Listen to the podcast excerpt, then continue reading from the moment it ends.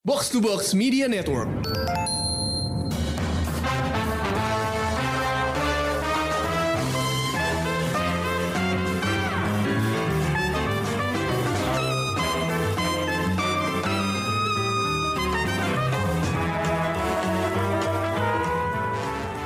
Halo pendengar Showbox, kita kembali lagi di sebuah sesi Out of the Box di Februari ini.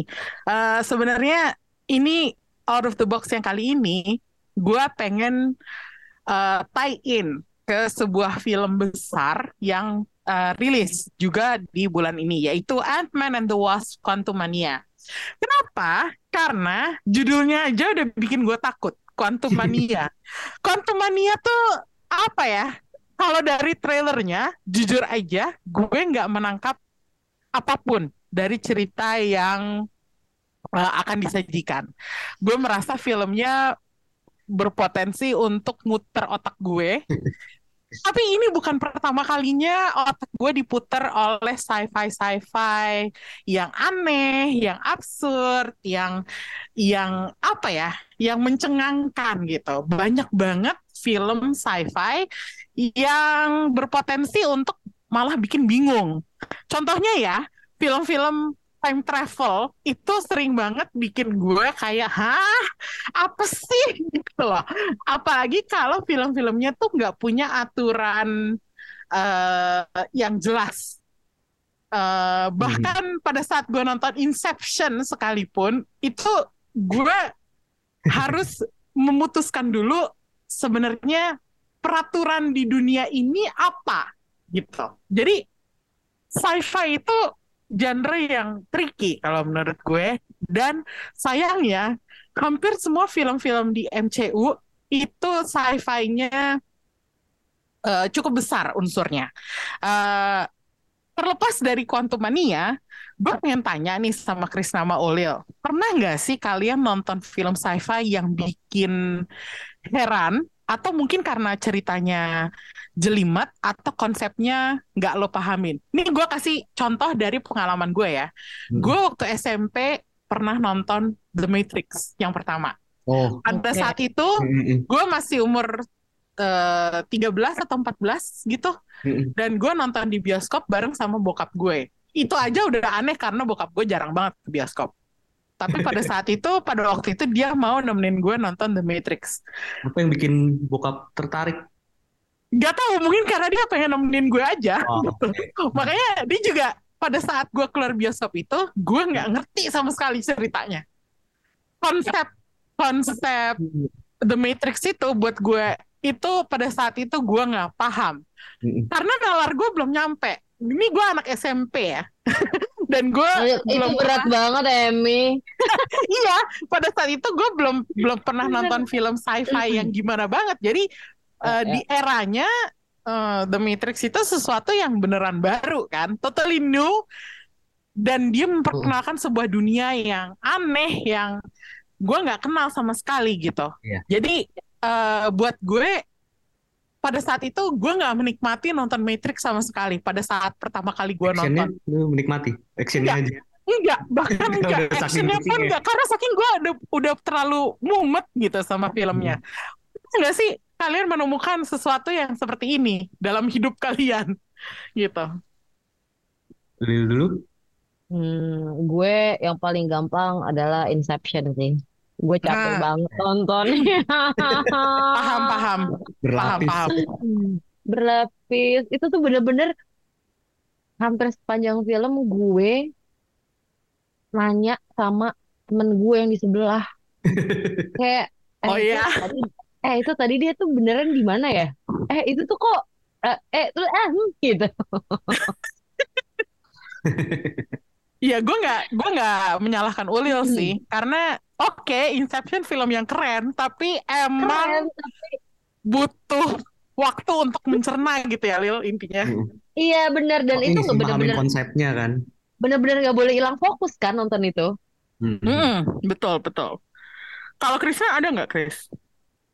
Gue sama lagi dulu The Matrix juga punya pengalaman yang sama malu karena waktu itu gue juga masih muda nontonnya belum terbiasa nonton sci-fi jadi kayak wah apa ini gitu kan.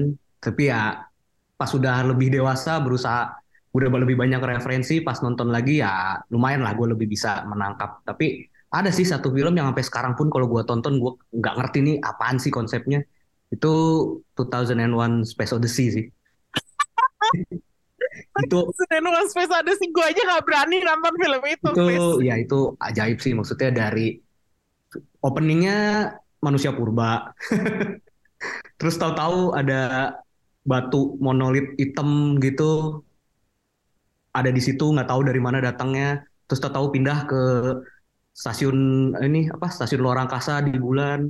Terus tahu-tahu apa eh, batunya ditemuin di deket Saturnus. Ya deket Saturnus terus ke sana lah apa terus kayak nggak sampai selesai gue nggak tahu itu batu apaan. Belum lagi endingnya kan trippy banget kan yang apa eh, ya trippy banget lah. Kayak itu yang bikin lagi mabok sih lagi giting sih. Terus tahu jadi bayi kan karakter utamanya jadi bayi gede gitu. Apa ini? Itu gue paling gak ngerti sih. Tahu mungkin ada pengalaman lagi gue nggak ngerti nonton. Itu dulu gue pertama kali nonton animenya Ghost in the Shell. Tapi itu alasannya karena gue nonton DVD bajakan yang subtitlenya pakai bahasa Malaysia Oh, Wow. oke oke oke. dulu gue gue bilang itu gue nggak ngerti film tentang apaan tapi pas gue nonton lagi lah ternyata kagak ribet-ribet banget Oh, jadi itu cuma karena masalah subtitle ya? Bahasa Iya. ya. karena dulu DVD bajakan kalau apa nggak ada bahasa kadang nggak ada bahasa Indonesia kan adanya Melayu gitu Iya. kan sementara itu kan bukan bahasa Inggris juga jadi gue belum bener lost gitu Lost in translation ya. Iya iya iya, ngerti ngerti. Tapi ada nggak sih Chris eh, satu genre sub genre sci-fi yang biasanya paling nggak lo pahamin? Kayak kan Oh, tadi gue udah sebut nih ya. time travel itu Ya. eh, kalau aturannya nggak jelas Mm-mm. selalu bikin gue bingung. Atau bagi lo lebih eh, membingungkan misalnya distopia Mm-mm. atau alien invasion yang mana nih subgenre sci-fi yang pernah lo tonton dan menurut lo paling ah mumet gitu? Time travel sih. Time travel ya? Karena ya itu pertama konsepnya kita mesti ini juga karena ada dua macam time travel gitu kan. Ada yang bisa mengubah masa depan. Hmm, maksudnya beneran pas balik lagi keadaannya berubah. Ada yang kayak lu mau balik lagi kayak apa ya kejadiannya tetap kayak gitu gitu kan. Kayak Twelve Monkeys gitu kan. Tetap aja Hmm. kejadiannya berulang gitu. Ya itu sih kadang kayak ya ya itu konsepnya kadang harus yang mana dulu nih gitu. Lu pakai konsep yang mana nih? Bisa ngubah apa enggak nih? Gitu. Hmm. kalau Lil ada nggak yang membingungkan dari subgenre eh, sci-fi? Kalau steampunk tuh yang kayak gimana ya, Wei? steampunk itu eh intinya dia gayanya eh apa ya kayak kla- klasik gitu ya? klasik. tapi klasik tapi em, apa namanya eh, teknologinya canggih. ya teknologi canggih tapi usang gitu loh Hmm, Oh, kayaknya itu deh. teknologi canggih tapi usah. Iya, Eh, iya. Kalau misalnya boleh kasih contoh satu film, Hmm. eh, itu film Mortal Engines. Nonton Oh, nggak? Iya, Simpang Enggak lagi. Enggak lagi. yang ini kan apa kota Coba bergerak gue kan. sambil sambil Atlan Atlantis tuh timpang. Masuk nggak?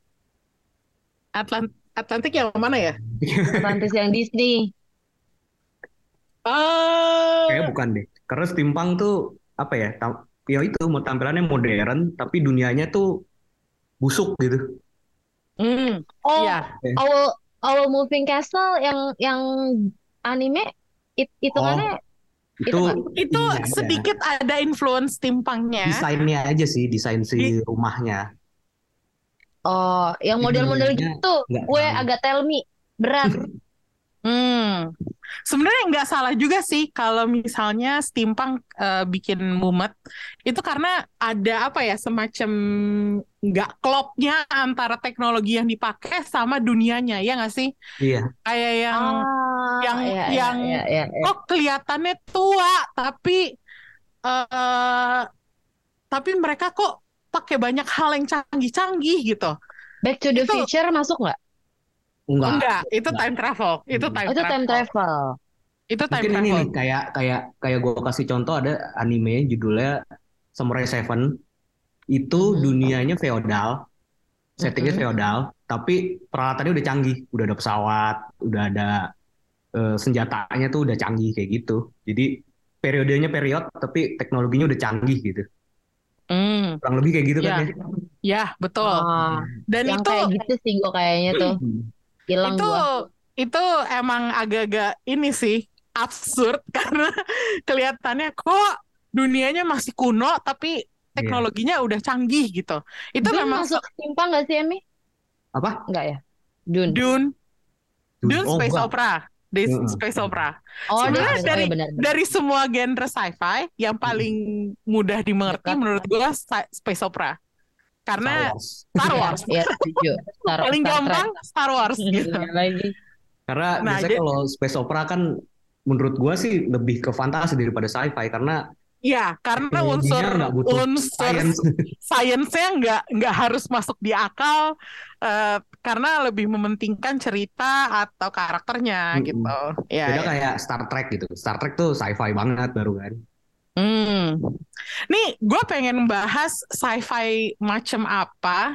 Sebutin judul ya. Misalnya satu judul, Chris, yang nalar lo tuh sama sekali nggak bisa lo eh, lo sama sekali nggak nalar lo tuh nggak nerima gitu loh. Satu satu sci-fi yang yang kayak gitu gitu. Karena gue ada satu judul nih. Wow. Gue baru inget eh, The Man in the High Castle. Itu serial TV mainnya di Oh. Amazon Prime Iya, iya. itu menceritakan dunia di mana Nazi sama Jepang menang perang dunia dua gitu. Jadi Mm-mm. wah itu buat gue nggak masuk di nalar gue karena gue nggak kebayang asli gue nggak kebayang apa jadinya kalau Nazi menang perang dunia. Ada nggak sih lo judul yang kayak gitu? Eh, sebentar gue agak lupa judulnya. Filmnya Ethan Hawke. Eh, Kan oh, Predestination. Oh, Predestination. Ya ya ya ya. Gue gue ingat Itu- film itu. Yang dia eh, apa? Dia meng, punya anak dari diri dia sendiri. Ya sih. yang Iya iya. eh ya ya gitu. Itu kan ruwet banget ya. Predestination. Sama yang ya yang sebenarnya menurut gue juga susah menerima ini sih Endgame. Endgame? Maksudnya? Ya maksudnya time travel lewat quantum realm tuh gue masih ini sih rada bingung. Avengers Endgame bikin Iya. bikin lo nggak menerima, nalar nggak Nggak, nggak, nyampe. maksudnya gue bisa bisa menikmati, gue bisa ini cuman ini gimana ya konsep. Logikanya nggak nyampe gitu ya. Terus Iya, pas iya, iya. apa di Loki dijelasin lagi kayak jadi bercabang bercabang multiverse segala macam. Oh oke sih. Tapi ya itu sih. Tapi kalau paling bikin gue pecah kepala gue predestination sih. Hmm, Itu iya iya time iya. travelnya juga kan. Ya itu time travel dan ah, astaga kalau ngomongin predestination itu nggak bakal selesai malam ini sih gua rasa. Itu ayam dan telur sih. Iya, aduh, gak misteri kelar-kelar. ayam. Iya betul loh Lil.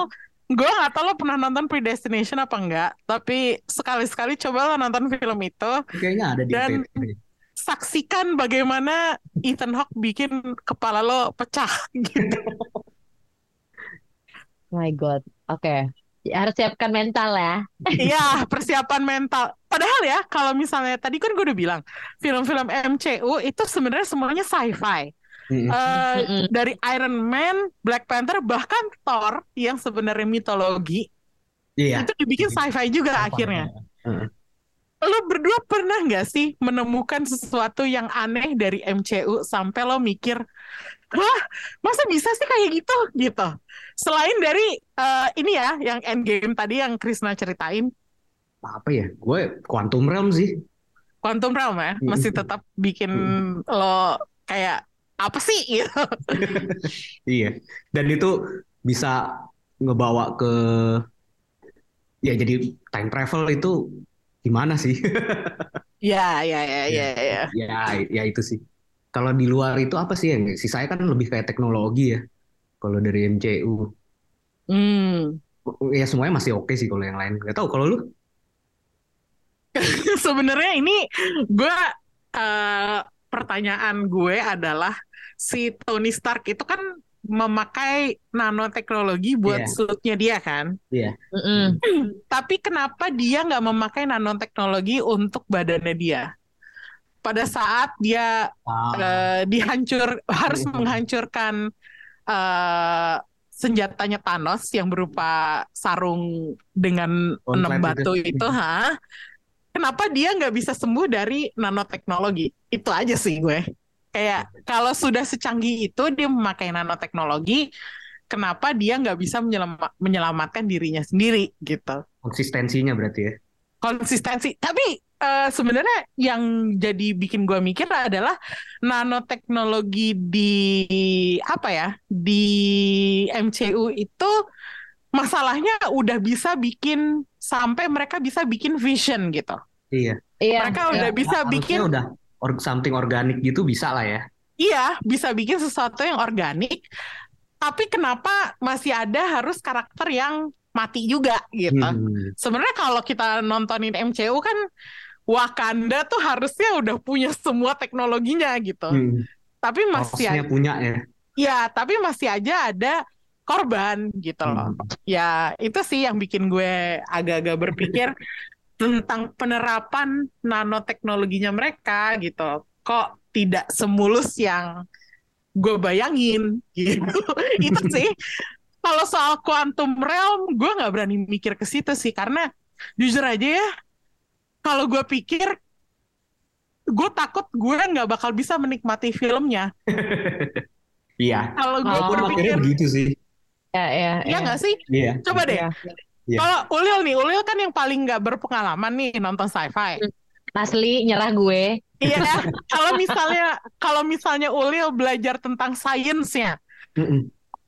apakah Ulil masih bisa menikmati film-film seperti Avengers Endgame? Gitu?